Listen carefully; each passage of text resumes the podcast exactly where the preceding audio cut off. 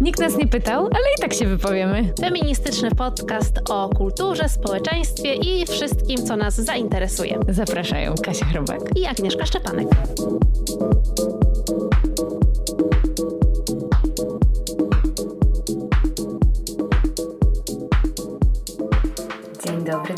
Drogie słuchaczki, drodzy słuchacze i drogie osoby słuchające.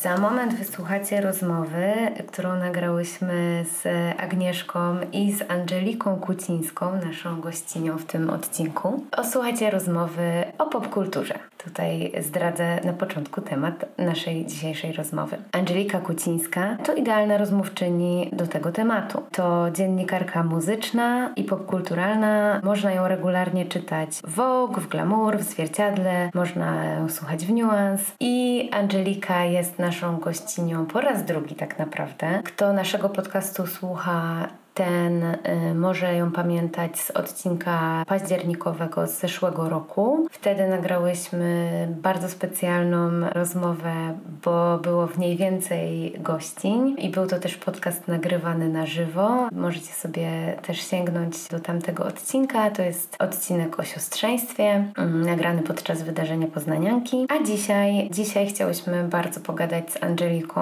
o tym, co ostatnio w ciągu ostatniego roku najciekawsze ciekawszego wydarzyło się w popkulturze, co można zinterpretować, na co można spojrzeć z feministycznej perspektywy. Coś tutaj wydarzyło, już Wam mówię. Z Angeliką łączyłyśmy się online i z tej ekscytacji, że się słyszymy, nie zauważyłyśmy przez kilka pierwszych minut, że mamy niedostrojony mikrofon. Na szczęście zorientowałyśmy się dosyć szybko i też na szczęście udało się tę rozmowę uratować. To, co umknęło z tamtej rozmowy, to było powitanie z Angeliką i jej przedstawienie, także już nic innego Wam nie zostało, jak posłuchać reszty tej rozmowy. Do usłyszenia.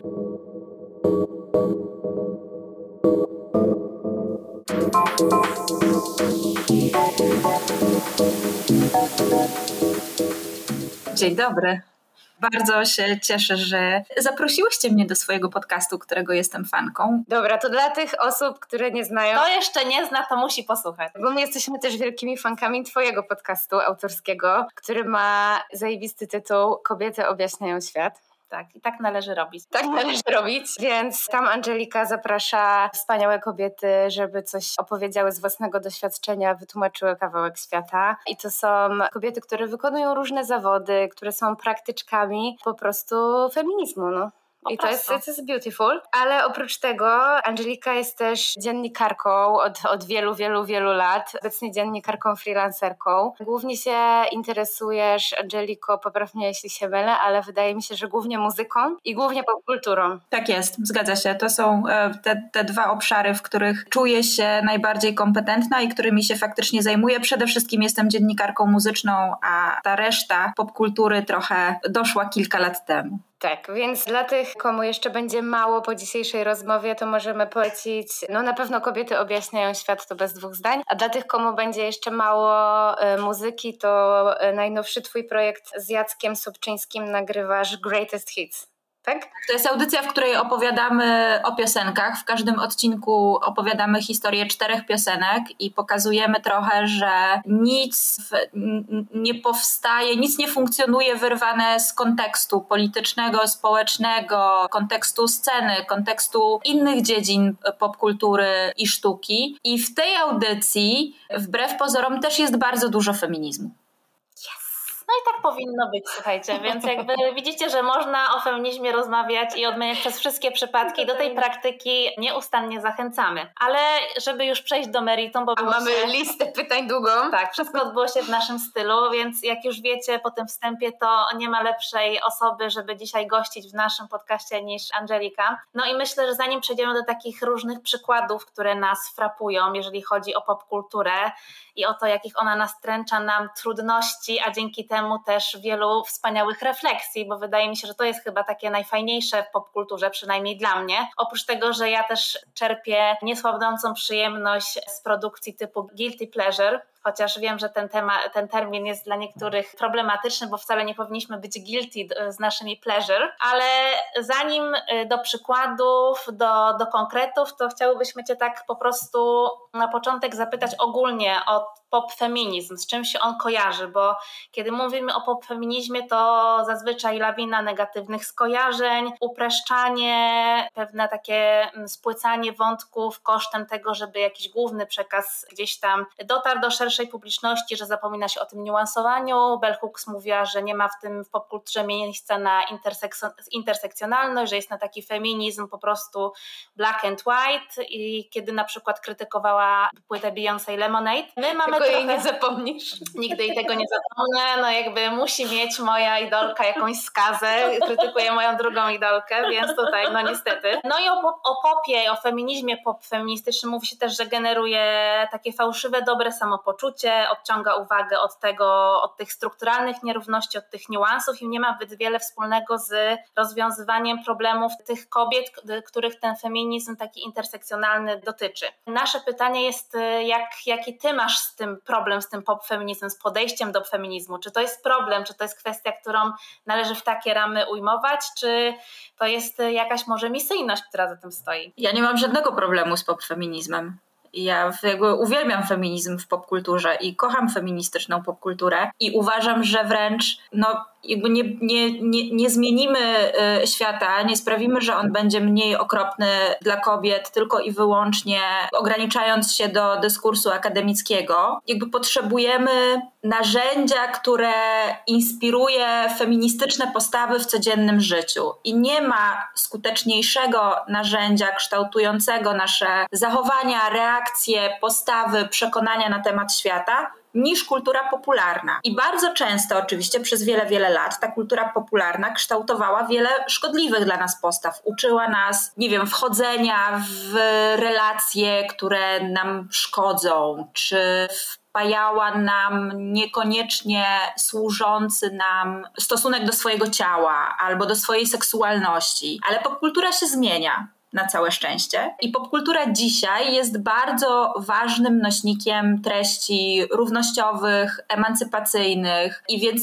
no, ja zdecydowanie jestem w tej frakcji, która popkulturę docenia, widzi w niej narzędzie wprowadzania zmiany, ale też takie lustro, czy taki barometr, takie wiecie, narzędzie pomiaru, które nam pokazuje, gdzie my jesteśmy ze zmianą społeczną, co się wydarzyło, co się jeszcze nie wydarzyło, co się powinno wydarzyć. Popkultura też bardzo fajnie może tę zmianę społeczną przyspieszać, chociażby pokazując trochę, nie wiem, inne modele życia, pokazując dobrowolne niemacierzyństwo jako, czy normalizując dobrowolne niemacierzyństwo. Nie lubię słowa normalizować, ale używam go tak czy inaczej. Wiecie, no jakby oswaja nas z takimi modelami życia, czy postawami, czy przekonaniami, które są w, z gruntu feministyczne, które służą kobietom, które są prokobiece. A wracając do Bell Hooks, i jej krytyki Lemonade, to chciałam tylko powiedzieć, że no, feministki nie są nieomylne.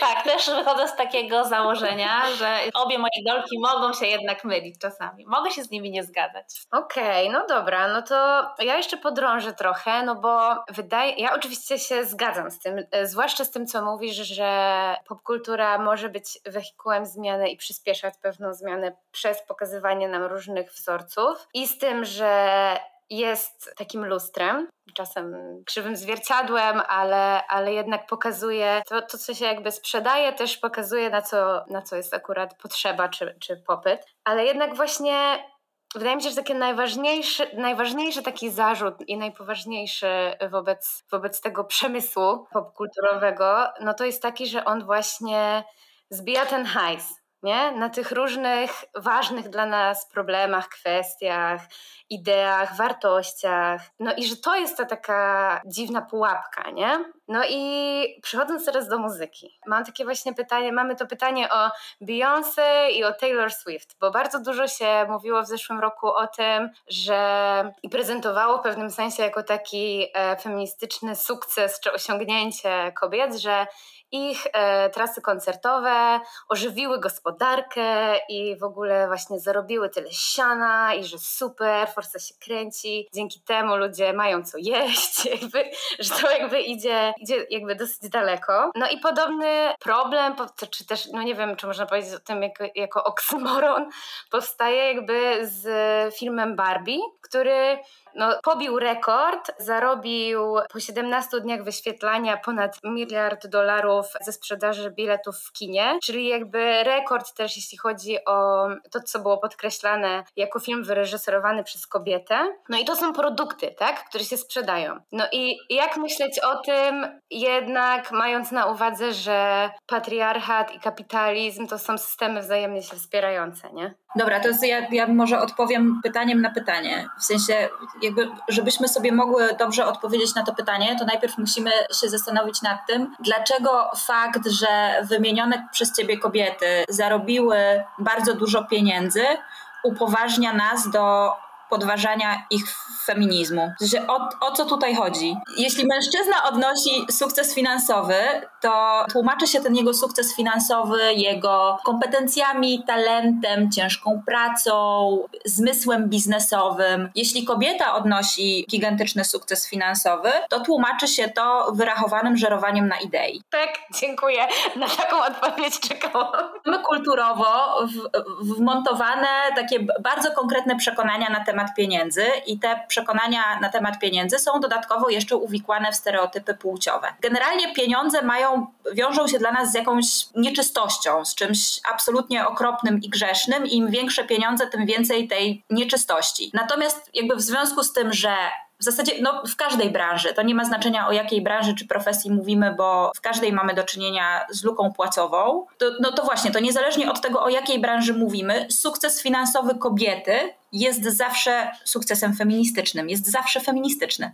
Za każdym razem. Nie, sorry, nie ma, nie ma inaczej. Natomiast jeśli. Bo jest trudniej im, tak? Bo jest ich mniej w, w różnych też, w różnych przemysłach, w różnych branżach, jest im trudniej z tego powodu, tak? Jest mniej, są gorzej wynagradzane i to jest, wiecie, z, związane z, jakby bardzo, wynika z bardzo różnych przekonań. Na przykład sportowczynie, gorzej wynagradzane sportowczynie słyszą, że ich wynagrodzenia, ich honoraria są niższe, ponieważ te dyscypliny uprawiane ko- przez kobiety cieszą się mniejszym zainteresowaniem widowni, co jakby, co wiemy, że nie jest prawdą. Kobiety, nie wiem, no w filmie jakby co chwilę słyszymy, że ktoś, wiecie, że, że któraś podnosi ten temat, że ktoś, że mężczyzna, z którym zagrała w filmie dostał trzy razy wyższą garzę niż ona. I tu nie mówimy tylko i wyłącznie o tych hollywoodzkich stawkach, gdzie wiecie, to jest różnica taka, że on dostał 7 milionów, a ona dostała tylko 3 tylko mówimy o tym, nie wiem, ile się zatrudnia scenarzystek, ile się zatrudnia reżyserek, ile, no jakby kobieta, która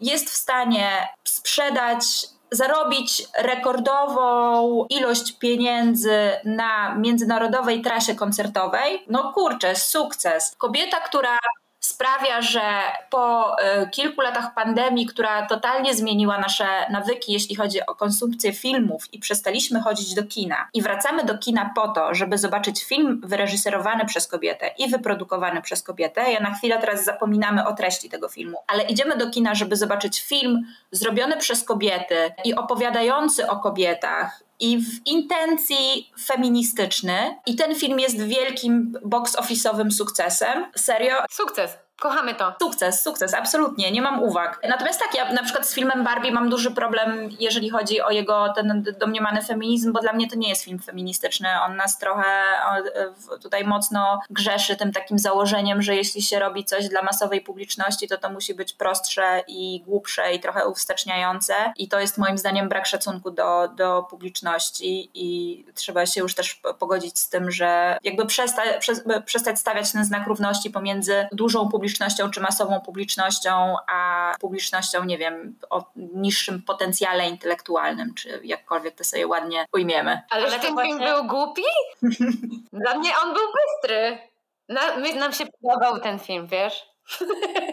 Dobrze, no to możemy sobie podyskutować. No słuchajcie, dla mnie ten film trochę sprowadza feminizm do wojny płci, a ja bardzo nie lubię tej opozycji kobiety-mężczyźni i w, w opowiadaniu o feminizmie, który, który jak wiemy i był od samego początku wycelowany w system i tak się akurat złożyło, że był to system stworzony przez uprzywilejowanych mężczyzn po to, żeby dzielić się władzą i benefitami wynikającymi z tej władzy z innymi uprzywilejowanymi mężczyznami. Ale to jest system, który tak samo szkodzi mężczyznom i opowiadanie w 2023 roku takiej historii o tym, że my się musimy wszyscy tutaj pobić, pokłócić, a potem jeszcze wymyślić jakąś taką intrygę i was w ogóle uwieść, żeby was, żeby odzyskać władzę, to jest jakaś coś. Nie, nie.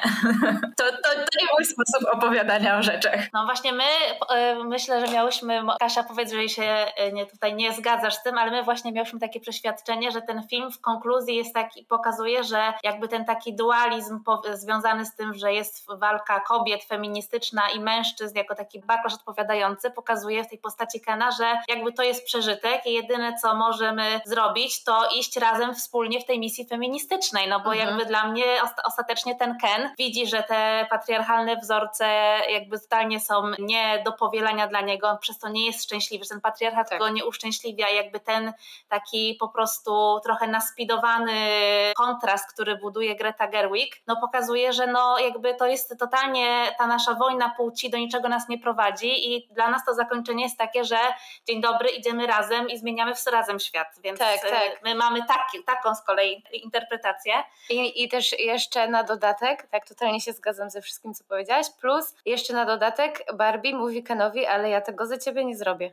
Tak. Także możemy zrobić to razem, ale ja za ciebie nie. Dokładnie. No i a propos, no. Dobrze, zobaczyłyście tam e, coś, czego ja tam nie dostrzegłam. Obejrzę Barbie, chyba obejrzę Barbie jeszcze raz w takim razie. No zapraszamy, jest już na streamingach, także można powtarzać. I a propos jeszcze tego, co y, mówiłyśmy sobie, co ty powiedziałaś o tym y, sukcesie kobiet i tak dalej, no to ja sobie pomyślałam, że jakby z tego, co gdzieś tam przypatruję się tym dyskusjom o, te, o ten sukces kobiet, o to, dlaczego on czasami jest problematyczny, to ja właśnie sobie pomyślałam o tym, że przy Barbie ja miałam taki problem, że w różnych rozmowach, które gdzieś tam oglądałyśmy z Margo i z Gretą, one totalnie nie chciały nazywać tego filmem feministycznym feministycznym i my z kolei miałyśmy z tym problem.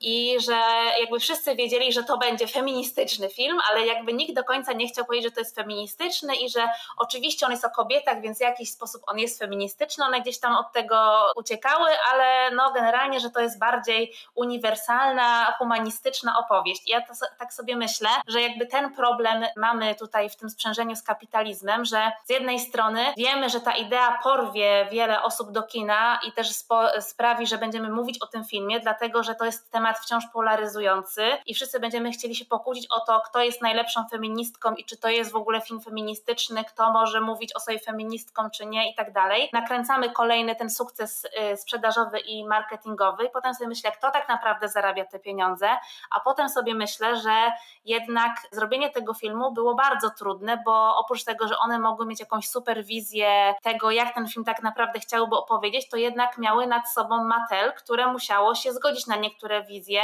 i z tego, co mówiła Margo robi w wywiadach, no to pitchingowanie pomysłów do Mattel, no było taką orką na ugorze, że to po prostu nie było takie proste. No i jednak jakby w tym, myślę, że w tym filmie, no może nie do końca celowo, ale jednak było pokazane to, że ten, ten Mattel to są ci po prostu mężczyźni, którzy totalnie nie wiedzą, co, co chcą zrobić, tylko sprzedawać te kolejne lalki. Mhm. Więc to był też taki trochę meta komentarz, więc wydaje mi się, że ostatecznie te zarzuty czasami mogą być o to, że Czasami ta idea tam wcale nie jest. Na przykład no, bardzo wiele osób potrafi się pokłócić o to, kto jest tak naprawdę feministką i kto zasługuje na to miano, a kto nie. Właśnie takim zarzutem jest to, że wcale jakby nie masz, nie niesiesz tej idei feministycznej, ale na tym zarabiasz i na tym sporządzasz kapitał. I chyba z tym jest problem. I co ty na to? A propos jeszcze Barbie, to była decyzja producenta, głównego producenta czy zleceniodawcy. No bo też jakby nie oszukujmy się, e, Margot Robbie i Greta Gerwig bardzo świadomie zrealizowały film na zlecenie producenta lalki Barbie. I to firma Mattel obstawała przy tym, że nie, żeby nie określać filmu Barbie feministycznym, ponieważ no właśnie z tego powodu, o którym powiedziałaś, czyli że feminizm jako samo słowo wciąż bardzo wiele osób dystansuje i istniało takie ryzyko, że jeśli wyjdziemy i powiemy, że zrobiłyśmy film feministyczny, to zdecydowanie mniej osób przyjdzie na niego do, do, do kin, niż kiedy po prostu powiemy, że zrobiłyśmy film o lalce Barbie. No sama historia też lalki Barbie jest taka dosyć, może być odczytywana jako problematyczna, bo lalka, która powstała z taką intencją, żeby pokazać dziewczynkom różne możliwości, czy różne drogi życiowe, które mogą sobie wybrać, w kontrze do, do tych wszystkich lalek, które były bobasami, w związku z czym dziewczynki mogły się tylko bawić w mamy. W tym sensie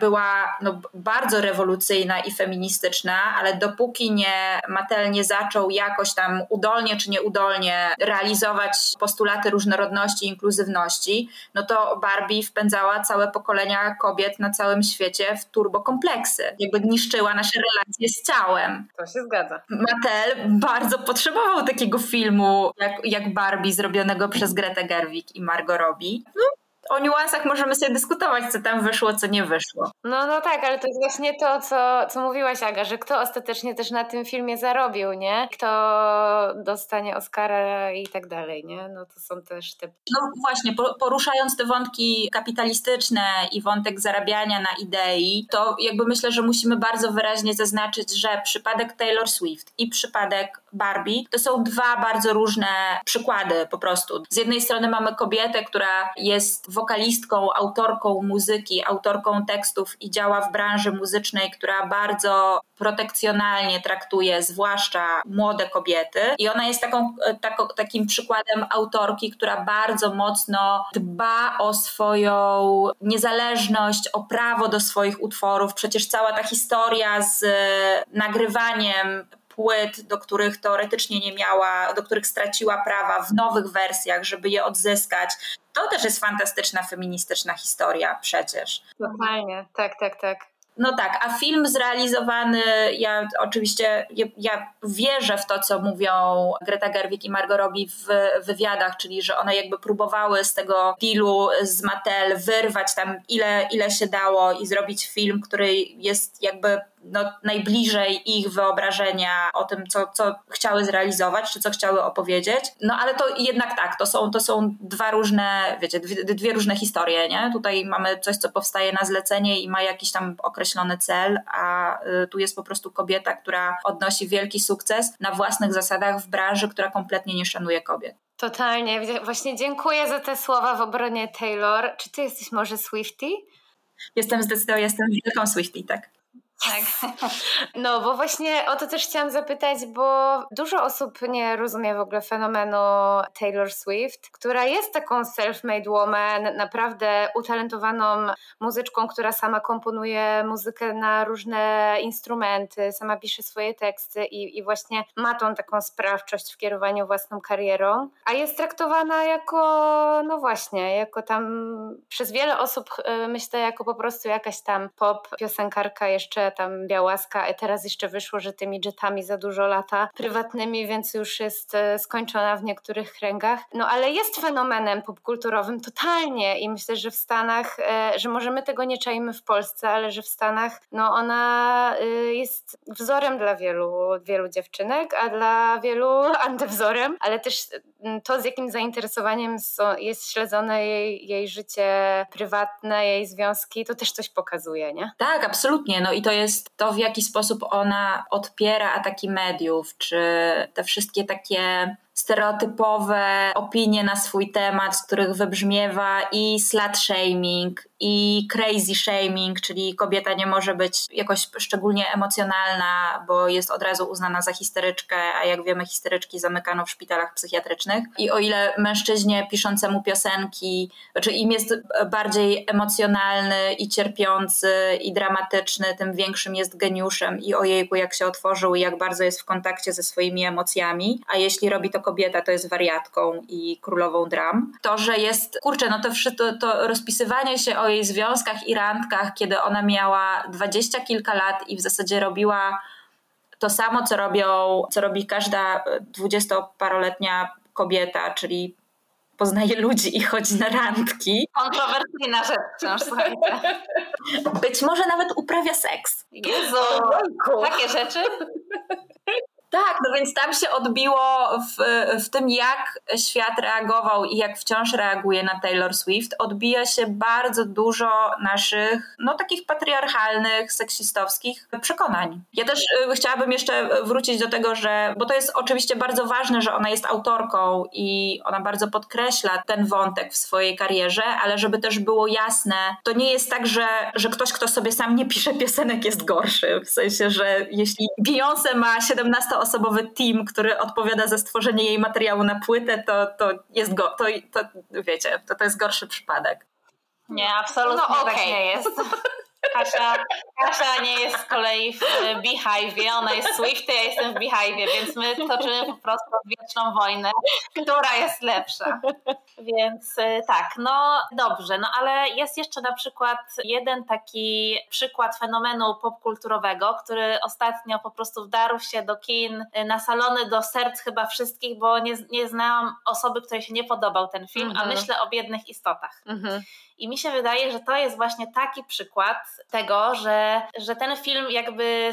Ja mam takie, jak ja skończyłam go oglądać, to miałam takie, Boże, jaki to był wspaniały film, że po prostu wszystko we mnie zagrało, że tak i w ogóle tak. Ale potem, jak zaczęłam sobie myśleć o tym filmie, to nie, to nie tak, że przestał mi się podobać, ale zauważyłam, że dałam się złapać na takie pewne pułapki, które po prostu trochę w tych moich zachwytach i w tej takim pragnieniu jakiejś takiej pokręconej, oryginalnej, gdzieś tam trochę feministycznej historii, po prostu gdzieś tam Mhm. odpowiedziało to na takie moje braki, ale też chyba dałam się złapać na taki mechanizm, który wydaje mi się robi nam trochę popkultura, to znaczy to, o czym trochę już sobie mówiłyśmy, że trochę przez to, że mamy ten taki podział na te męskie i kobiece historie, to jak sobie myślimy o tym, że Właściwie ta, że męska to jest taka uniwersalna opowieść o, o po prostu takich rzeczach uniwersalnych dla nas wszystkich.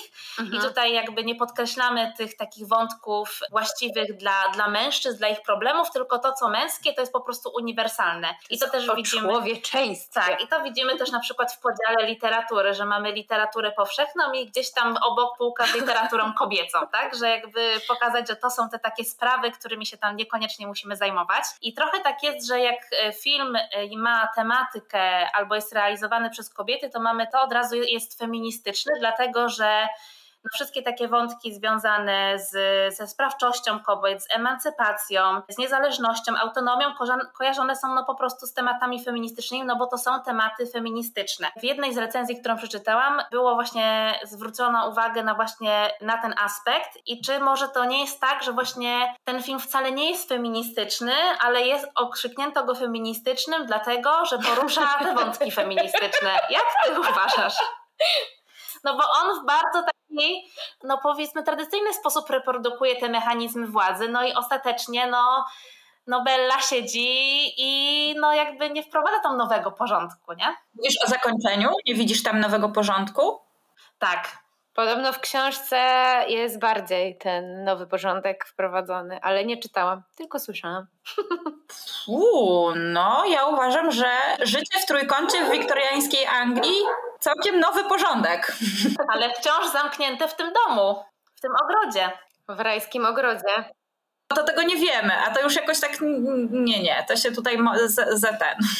To nadinterpretacja. To nikt tam nie... No to ja tutaj się nie będę jakoś wielce wykłócać, ja bardzo chętnie się dam y, przekonać i usłyszę twoje zdanie. Po prostu jakby dla mnie to, nie przesądzę o tym, że ten film jest jakby w całej wymowie jakoś taki antyfeministyczny, czy w ogóle mi się nie podoba, ale no, że czegoś tam po prostu w tej historii trochę mi zabrakło, żeby pociągnąć, żeby on był takim manifestem feministycznym, jak się o nim mówi. No ale to się znowu dajesz złapać na pułapkę, że jak jest feministyczny, to musi być kryształowy i odpowiedzieć na wszystkie No właśnie, problemy tego no świata. No właśnie- nie musi właśnie, może być dobrą zabawą też, którą ten film jest. Jest przepiękny. No i właśnie, czy to nie jest Przepiękne i jest dla mnie dużo bardziej zniuansowane niż Barbie i dużo odważniej podejmuje wątki, które są wciąż wyzwania wyzwaniem dla wielu feministek, na przykład e, wątek pracy seksualnej, która jest świadomym wyborem, świadomym dobrowolnym wyborem kobiety. To jest taki temat, który no, jakby wciąż wzbudza sporo emocji e, również w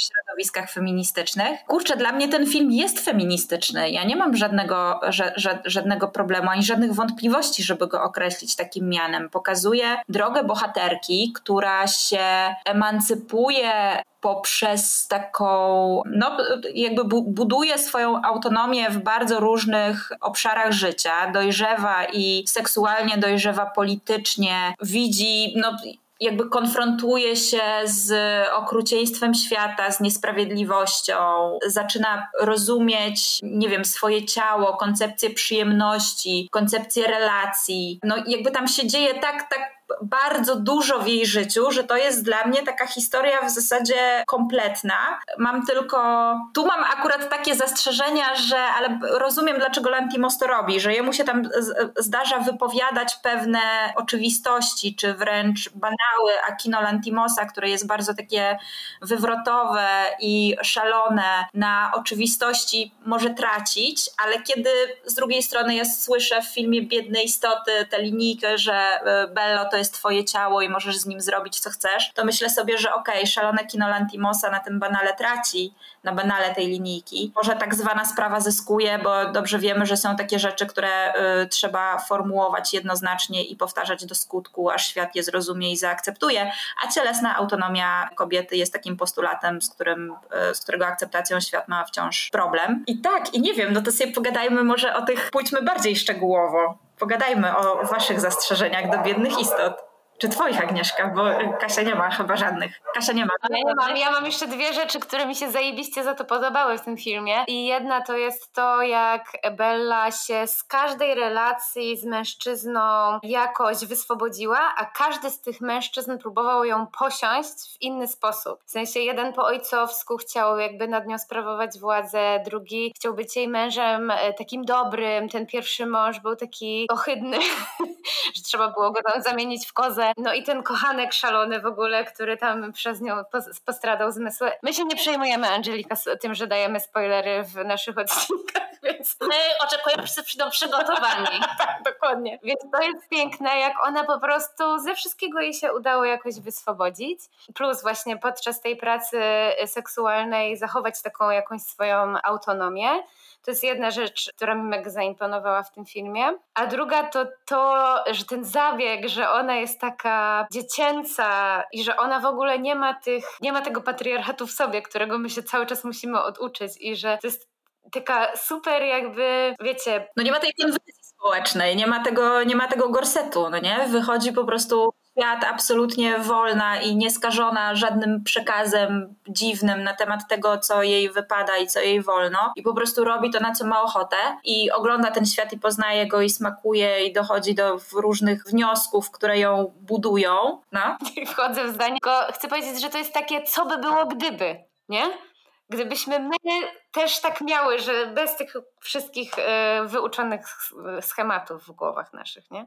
Jakby mogło być zajebiście. To jest bardzo, bardzo kusząca wizja. Bardzo kusząca wizja, żeby tak kiedyś usiąść przy stole jak Bella Baxter i mówić wszystko, co się myśli. Albo po prostu jak płacze dziecko, to wiadomo, że trzeba je uderzyć, bo po prostu to jest jedyna normalna reakcja. To była po prostu moja ukochana scena. Po prostu zero hamulców społecznych. Chciałam tylko się tutaj wybronić, że ja nie krytykuję i y, w takim sensie, że mam dużo listę zarzutów do biednych istot, bo ja uważam, że to jest świetny film i go uwielbiam, ale po prostu ostatnio, jak sobie trochę o nim czytałam i zastanawiałam się nad nim, no bo to jest taki film, który bardzo zostaje, wydaje mi się. To jest jakby siła kina w ogóle tego reżysera. Po prostu tak. kocham każdy jego film i w ogóle mm. no każdy po prostu bardzo na długo ze mną zostaje i chętnie też po prostu wracam do tych filmów, bo uważam, że no jest tam dużo warstw do odkrywania. I właśnie jak sobie po prostu pomyślałam o tych takich zachwytach nad tym filmem, bo no rzadko jest tak, że jest taki film, który tak po prostu jednoczy bardzo różne na przykład gusty tam filmowe, muzyczne też i po prostu gdzie bym nie spojrzała na przykład na swoje social media, to po prostu wśród bardzo różnych znajomych, no to każdy po prostu był zachwycony tymi biednymi istotami. Więc zaczęłam tak na nowo o nich myśleć, no i potem sobie pomyślałam, że jest ten taki aspekt, który właśnie dla mnie w tych biednych istotach jest taką trochę czymś, co mi trochę kuleje, czyli że no ostatecznie ona jakby sięga po te same takie mechanizmy takiego, no, że to jest tak jakby, jak powiedziała kiedyś Audrey Lord, że żeby zburzyć e, dom pana, trzeba użyć innych narzędzi. A mi się wydaje, że ona na końcu używa tych samych narzędzi, że to są takie narzędzia typu, że no trochę przemocą i trochę po prostu wiadomo, że żyją może w tym trójkącie na koniec, ale no wydaje mi się, że to, że oni są jednak w tym ogrodzie na tyłach domu jest takie wymowne, że jednak zostało w tym samym porządku to wszystko, że to jednak nie ma, że może tam właśnie nie musi być tego nowego świata zbudowanego, może ja mam zbyt wielkie oczekiwania i może to jest właśnie też taki paradoks, który się mm. ujawnia też w tej takiej naszej krytyce czasami mhm. tego, że coś określamy mianem, y, jak coś jest feministyczne, queerowe, to musi być po prostu bez skazy, że to nie może być po prostu czasami dobre, że to musi być po prostu idealne i jak mhm. coś zgrzyta, mhm. to po prostu od razu trzeba to skancelować i może to jest jakiś taki mechanizm, który działa i sobie mówisz, jeżeli to nie jest idealne, to po prostu nie można nazwać feministyczny, bo po prostu musi być nieskazitelne. Też jest mo moc tego filmu, że dyskutujemy o nim, że czytamy na przykład zakończenie trochę inaczej, bo ja też widzę w tym powrocie Belli do domu, ona wraca do takiego miejsca, w którym wbrew pozorom była bardzo szczęśliwa.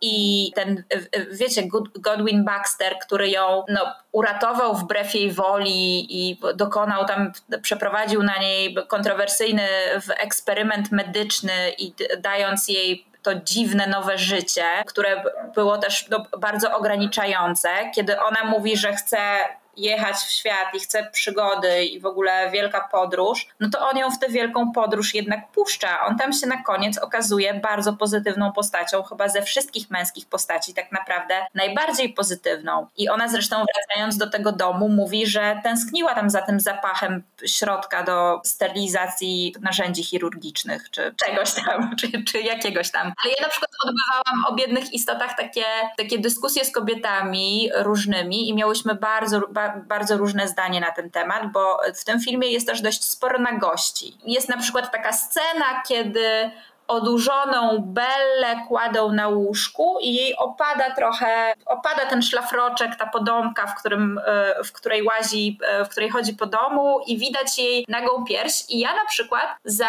widziałam ten film dwa razy, za każdym razem miałam jakiś taki, jak, jakiś problem z, z tą sceną i myślałam sobie, że kurczę, ta nagość jest tutaj w ogóle niepotrzebna, ona niczemu nie służy. Po czym się spotkałam z takimi głosami kobiet, które mówiły: Nie, no właśnie, ja w tej scenie zobaczyłam tę jej taką lalkowatość, to jej takie traktowanie, wiesz, to, że ona, to w ogóle nie jest dla mnie seksualne, nie? To jest po prostu ciało dziecka rzucone na łóżko, jakby po prostu, nie? Że, że tam nie ma niczego erotycznego, a ja z kolei być może też nauczona patrzeć na kobiecą nagość w przestrzeni publicznej właśnie z perspektywy feministycznej i od razu z taką wątpliwością, czy tam nie dochodzi do jakiegoś nadużycia i czy ta nagość jest potrzebna, widzę tę nagość jako kompletnie zbędną i nieuzasadnioną i właśnie nadużywającą. Siła tego filmu, że on nas otwiera na takie, wiecie, też różne y, konfrontacje ze sobą i swoimi przekonaniami i swoimi pomysłami na to, jak powinna wyglądać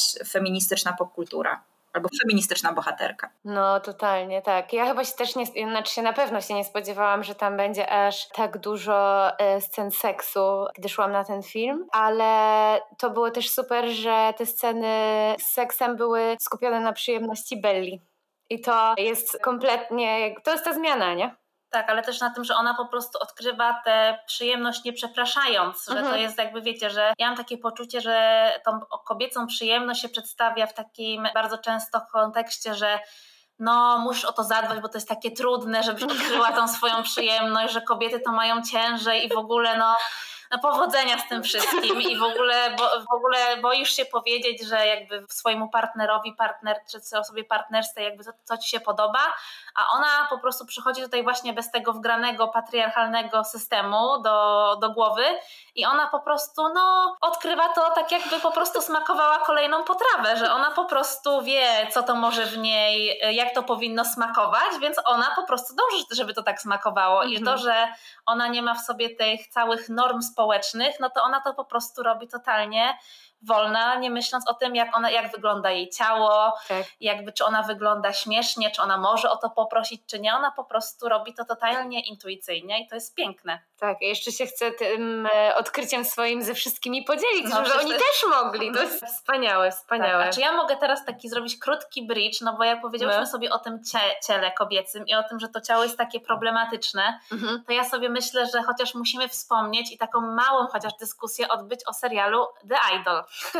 Bo to jest serial, który bardzo spolaryzował w zeszłym roku. To nie jest tak, że jakby obudziłyśmy się i dopiero wiemy o tym serialu. Nie było Ja jakoś tak. tak. No ty tak, Ja spędziłam- obudzona. Ja spędziłam weekend z The Weekend. Tak. No i to jest serial, który no, na maksa podzielił chyba ludzi i tak jak Biedne Istoty są totalnie fenomenem, który łączy wszystkie gusta y, filmowe, tak wydaje mi się, że The Idol był taki, który po prostu totalnie połączył nas w hejtowaniu tego serialu i w tym, żeby powiedzieć, jaki on jest beznadziejny, zły i no to jest taki case, gdzie kontrowersja goni kontrowersję, bo sama historia powstawania tego serialu, tego, że zmieniła się reżyserka, zmienił się cast, został w trakcie skrócony ten serial do pięciu odcinków, co niestety odbija się też na fabule. No i jednym z takich właśnie zarzutów, który według mnie mm, tutaj też dobrze zwróciłaś uwagę, Angeliko, że jedną z takich ba- najbardziej polaryzujących kwestii, wydaje mi się, w feminizmie jest właśnie wciąż ten stosunek do ciała kobiecego i do samostanowienia o tym ciele Mhm. Bo nieraz mówiłyśmy tutaj w podcaście, że no jedną z takich k- kwestii, o której, w, której feministki wciąż się nie mogą zgodzić i o której najbardziej dyskutują jest kwestia właśnie płatnej pracy seksualnej, ale też no podejścia do, do pornografii, o do prezentowania kobiecego ciała w popkulturze, czy w ogóle samodecydowania o tym ciele. No i wydaje mi się, że no ten serial i dyskusja, która się wokół niego przewinęła i samo dyskutowanie o tym, czy Lily Rose mogła samodzielnie zadecydować o tym, że chce wziąć udział w tym projekcie i być w taki sposób przedstawiona, no pokazuje dokładnie w czym tkwi problem. I chciałam Cię zapytać, czy Tobie ostatecznie ten serial się podobał i co Ty o nim myślisz? Ostatecznie po obejrzeniu całości nie, bo mnie znudził i zmęczył bardzo. I to jest mój największy zarzut do serialu Idol. Uważam, że produkcja poddała się za bardzo i zbyt szybko hejtowi na, na Idola i że to jakby z tego wynikało i skrócenie pierwszego sezonu, i decyzja o tym, żeby nie przedłużać serialu, nie kontynuować, nie kontynuować Idola, ale ta cała dyskusja, to jak się cały świat rzucił na ratunek Lily Rose Depp, to było dla mnie absolutnie fascynujące. My mamy tak gigantyczny problem z kobiecą nagością, w sensie wciąż uważamy, nie jesteśmy w stanie zaakceptować, że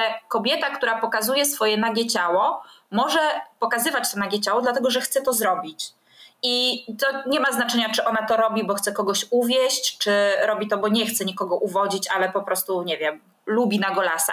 Jakby my zawsze widzimy tam jakby ofiarę. Albo ktoś jej kazał, albo trochę ją jakoś podstępnie zmusił do tego system, a ona jest tak głupia, że ona nie widzi, jak ten system ją zmusił, więc ona sobie myśli, że się rozbiera, bo chce, żeby się, roz, bo chce się rozbierać, ale tak naprawdę to ona w ogóle nie chce się rozebrać, nie? Zawsze to sobie jakoś tak wytłumaczymy, że ta kobieta po drugiej stronie jest no właśnie, tą biedną istotą, bezwolną, której trzeba wszystko wytłumaczyć, objaśnić świat i, i poprowadzić ją za rękę. I to było dla mnie niebywałe, po prostu niesamowite, że siedzi ta Lily, Lily Rose Depp i wszyscy tam rozprawiają o tym, jak to ona jest oglądana przez, widziana męskimi oczami Sama Levinsona i Abla Tesfaye, czyli Weekenda, który był producentem tego serialu. W zasadzie nie ma nic do powiedzenia i słuchajcie, i ona wychodzi i mówi w wywiadach, ej, jestem dorosłą osobą, wiem, czytałam scenariusz, wiedziałam, że będę się dużo rozbierać w tym serialu, zgodziłam się na sceny na gości, nie mam z nimi problemu, w ogóle jaram się tym serialem, kumam wizję, wszystko, wszystko się dla mnie zgadza.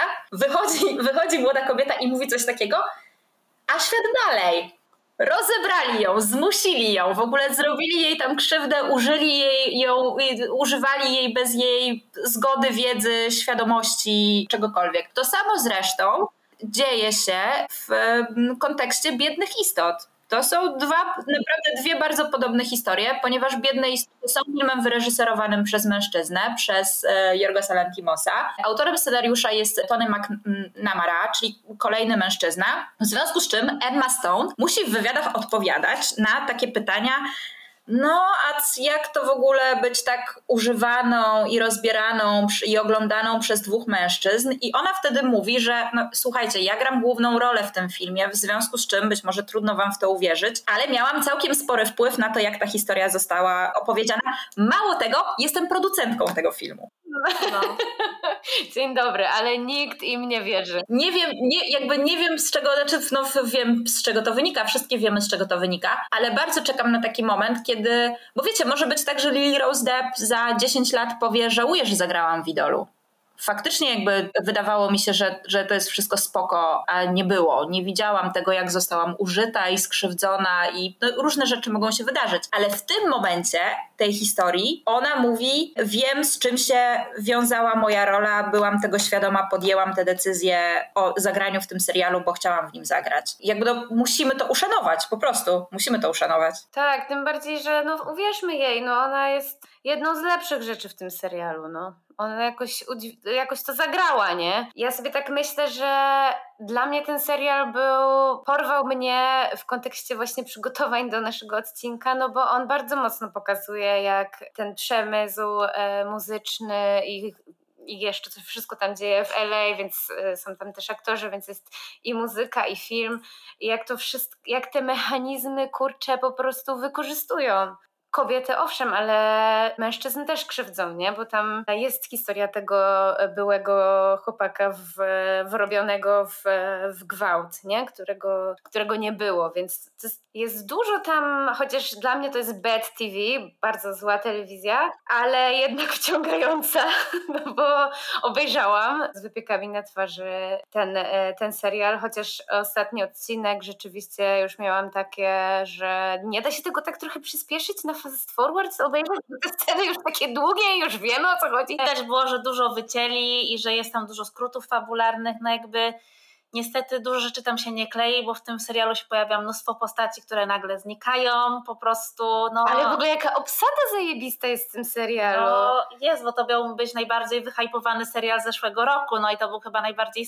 Ludzie uprawiali hate watching po prostu w Stanach, więc generalnie... Ja bardzo wierzyłam w ten serial, bo jestem wielką fanką Sama Levinsona i uważam, że on potrafi opowiadać emancypacyjne historie, bo robi to i w Euforii z powodzeniem i zrobił film, który ja uwielbiam uwielbiam i który jest dla mnie, jeżeli chodzi o feminizm w popkulturze, to to jest jedna z takich rzeczy, które absolutnie trzeba obejrzeć, czyli Assassination Nation. I oczywiście Sam Levinson też jest takim, no jest takim chłopcem do bicia, bo jest totalnie uprzywilejowanym gościem, jest nepo dzieckiem i dwa, bierze się w swojej twórczości za tematy, których teoretycznie nie ma prawa podejmować, bo jako mężczyzna nie powinien kręcić filmów e, o kobietach, jako biały mężczyzna nie powinien zrobić takiego filmu jak Malcolm and Marie. No i tam się jakby du, du, dużo rzeczy dzieje i w tym idolu on też mówi takie rzeczy. Naprawdę ten serial miał duży potencjał, żeby nas zmusić do przemyślenia sobie paru kwestii albo zadania takich pytań, których, które są nie, no, nieprzyzwoite wręcz, ale przez to bardzo, bardzo potrzebne. Na przykład ta beka w pierwszym odcinku z koordynatora intymności. No, koszmar. Pogadajmy o tym, czy czy wiecie, czy to jest uzasadnione, czy to jest nieuzasadnione? Wystawmy się na taką konfrontację też z, ta, z takim poglądem. Jest jakoś nam potrzebny. No nie możemy sobie osiąść, tylko no, potrzebujemy dostawać te, te, wiecie, te stymulacje, jakkolwiek ona wygląda, no nie? I on tam bardzo dużo, ja no, liczyłam, że to będzie bardzo fajna satyra na, na branżę muzyczną. Nie wyszło trochę, ale parę rzeczy myślę, że tam się udało, czyli taki na przykład wybrzmiewa z tego serialu generalny stosunek świata do młodych kobiet i z tego, co się działo wokół tego serialu. Totalnie, no ta scena jest mocna, o której mówisz, że tam zostaje zamknięty siłą w toalecie koordynator scen intymnych, bo przeszkadza. No i to jest scary, z drugiej strony no jest, to, jest to w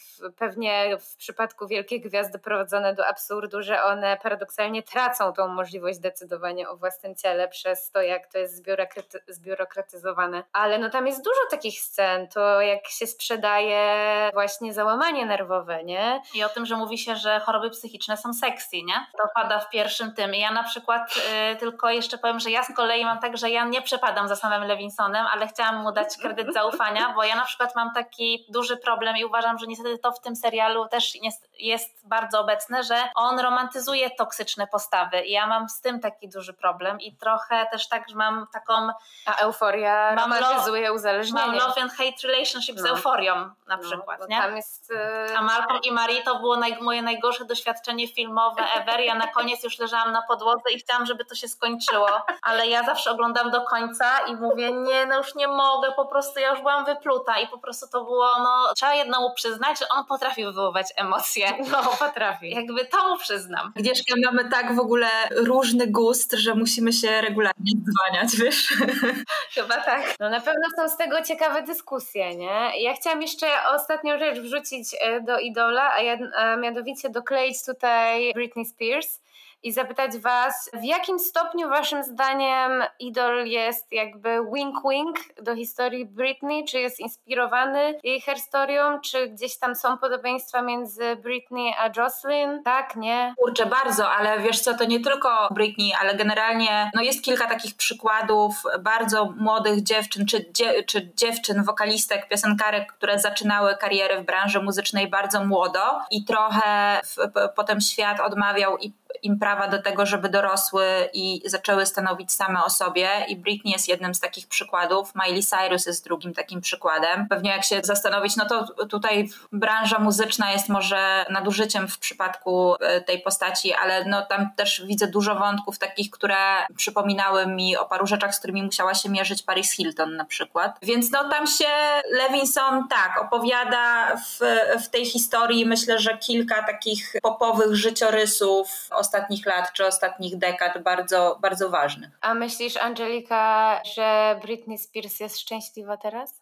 Czytałaś jej biografię? Nie przeczytałam jeszcze jej biografii. Mam nadzieję, myślę, że jest szczęśliwsza niż była, kiedy miałam okazję robić z nią wywiad. Lata temu, słuchajcie, to była jakaś absurdalna sytuacja, ponieważ Britney zaprojektowała, zaprojektowała, po prostu była twarzą kolekcji Rajstop czy bielizny czy czegoś, dla marki, której nazwy już nie pamiętam nawet. No i były z nią jakieś takie bardzo krótkie, pięciominutowe wywiady, gdzieś na po prostu zapleczu sklepu w Złotych Tarasach. I tam się wchodziło do pokoiku, żeby sobie porozmawiać z Britney, której trzeba było, no nie jej, ale managementowi wysłać pytania, żeby jej absolutnie niczym nie zaskoczyć. I ona na każde z tych pytań odpowiadała w zasadzie jednym albo dwoma słowami, a kiedy był taki moment, że ja ją zapytałam, czy mogę jednak zadać pytanie spoza listy, bo tak mi teraz wpadło do głowy. I pamiętam, że ona zanim mi odpowiedziała, spojrzała na tych 10 osób, które stały za mną. Był taki szpaler osób z jej managementu i spojrzała i czekała na to, czy oni pozwolą. I dopiero jak ktoś z, z tamtych osób kiwnął, że spoko,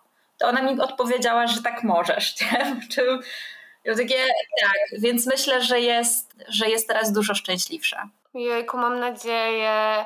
I Britney, życzę Ci wszystkiego dobrego. Odpoczywaj i jedz lody na śniadanie i tańcz sobie te swoje tańce śmieszne i rób co chcesz. I w ogóle, jejku, no ciesz się życiem dziewczyno. Ale no kolejna biedna istota, nie? No. Kolejna biedna istota, tak. Kolejna biedna istota dosłownie ubezwłasnowolniona. No dobrze, no to zmierzając do końca, czy mamy jakąś receptę na mówienie o popfeminizmie, na to, żeby zrzucić z niego jakieś jarzma doskonałości, e, żeby po prostu zacząć oswajać go z takim i bardziej chyba utożsamiać z takim mechanizmem, o którym mówiłaś na początku, czyli z tą siłą opowiadania historii i utrwalania tych też dobrych historii, nie tylko tych złych, bo jak się okazuje też ta zmiana jednak zachodzi, bo na przykład taki serial The Idol no, wywołał bardzo duży backlash. Może jakby trochę ta postawa woke była zbyt duża i to jest jakby kolejny nasz problem może, czy jakaś taka ważna kwestia, o której warto rozmawiać. No ale nie można powiedzieć, że jakby te kwestie i te zmiany społeczne się nie dzieją, wywołują w nas bardzo dużą dyskusję i chyba dzięki temu te zmiany mogą iść do przodu. Czy ja się mylę? Nie, absolutnie. I, te, i no właśnie reakcje na idola może były w naszym odczuciu na pewno były zbyt radykalne, ale ta intencja stojąca za reakcją była słuszna i też no właśnie wynikała, była konsekwencją tej rosnącej świadomości feministycznej i tego, co, co co można, a czego już nie należy robić w, w popkulturze. I to jest super fajne, bo no, to pokazuje, że faktycznie, że, że, że faktycznie się zmienia i nasza wiedza jest trochę większa. I ja bym się przede wszystkim nie obrażała na, nie obrażała na popkulturę W sensie nie obrażała, ale też uznałabym jej wpływ na, na siebie, bo no jakby pewnie są osoby, które słuchają, e, wiecie, wyłącznie Beethovena, chodzą do kina wyłącznie na arthouse'owe filmy i nie używają mediów społecznościowych i żyją w takim naiwnym poczuciu, że popkultura ich nie dotyczy i na nich nie wpływa. Wpływa absolutnie na nas wszystkich i jak zobaczymy ten wpływ, no to będzie też nam jakoś tak myślę łatwiej potem oceniać to, czy łatwiej diagnozować to, co nam popkultura robi i szukać w popkulturze tego, co, co chcemy, żeby nam zrobiła, tego, co chcemy, żeby nam zrobiła. Ja naprawdę gratuluję sobie tego zdania. My sobie też gratulujemy. Ja jeszcze chciała dorzucić jedną receptę na koniec, żebyśmy właśnie nie oczekiwały doskonałości od gwiazd, chociaż I to w ogóle było też w idolu, nie? Że ale ty nie jesteś człowiekiem, ty jesteś gwiazdą, więc ty jesteś dla, ty jesteś właśnie dla wszystkich do skonsumowania. No myślę, że trochę tak, może tak, wiadomo, ale pamiętajmy, że to są ludzie, nie? I to, to mnie ostatnio tak uderzyło też, ostatnio wrzuc, wrzucę rzecz o Taylor, e, że się do niej wszyscy dowalili, że jak odbierała nagrodę od Celine Dion, to za mało miejsca oddała Celine Dion i w ogóle nie uznała tego, nie podziękowała tej wielkiej diwie y, sprzed lat za, za to, że może od niej odebrać nagrodę. I że wiecie, że czasami jakby się naprawdę dowalamy do nich już za takie pierdoły,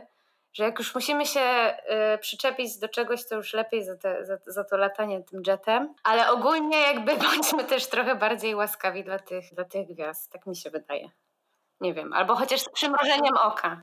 Wrac wracamy do tego, e, od czego zaczęłyśmy, czyli że nie ma feministek nieomylnych i nie ma feministek idealnych. I te, które nagrywają feministyczne piosenki, są tak samo nieidealne, jak te, które napisały te wszystkie mądre książki. No. Dokładnie, wybaczamy ci Bell Hooks krytykę Beyoncé. Ja tylko na koniec chciałam dodać, żeby tak nie wyszło e, cukrowo i lukierkowo, że nie jest tak, że wszystko wybaczymy popkulturze, no, bo ona też ma odpowiedzialność niosącą, e, jakby, która się zawlecze za tą siłą i za tym kapitałem, mhm. więc e, po prostu trzeba kontestować, bo wiadomo, że wszystkiego nie zmienimy, ale zmiana zaczyna się od zauważenia, że coś jest nie tak i kontestowania. Mhm że pewne rzeczy się muszą zadziać. I myślę, że to będzie nasza puenta. Dobrze. Jakby nie używamy już e, w pilotów do telewizorów, więc nie, nie, nie powiem, że decydujemy pilotem, ale decydujemy tym przyciskiem play w serwisach streamingowych i to tak, to po co sięgamy, co oglądamy, czego słuchamy ma naprawdę duże znaczenie. Tak jest. A-Woman. A-Woman. Dzięki Angelika za Super rozmowę. się z Tobą gadało. Mhm. Jesteś naszą guru popkulturową. Ja mam nadzieję, guru że popkulturu. Tak, że będziemy jeszcze miały okazję wymienić nasze niezgadzające się opinie o jakichś filmach i serialach. No bo słuchajcie, jak się nazbiera y, w parę kolejnych tytułów, o których będziemy mogły sobie podyskutować, to ja zawsze z przyjemnością z Wami. Bardzo dziękuję. Będziemy pamiętać. To dziękujemy. Mamy nadzieję, że wytrwaliście do końca tej pasjonującej rozmowy i do usłyszenia. Do usłyszenia. Nikt nas nie pytał, ale i tak się wypowiemy. Feministyczny podcast o kulturze, społeczeństwie i wszystkim, co nas zainteresuje. Zapraszają Kasia Chrobak i Agnieszka Szczepanek. Producentem podcastu jest Estrada Poznańska. Wszystkie odcinki znajdziesz na estradapoznań.pl.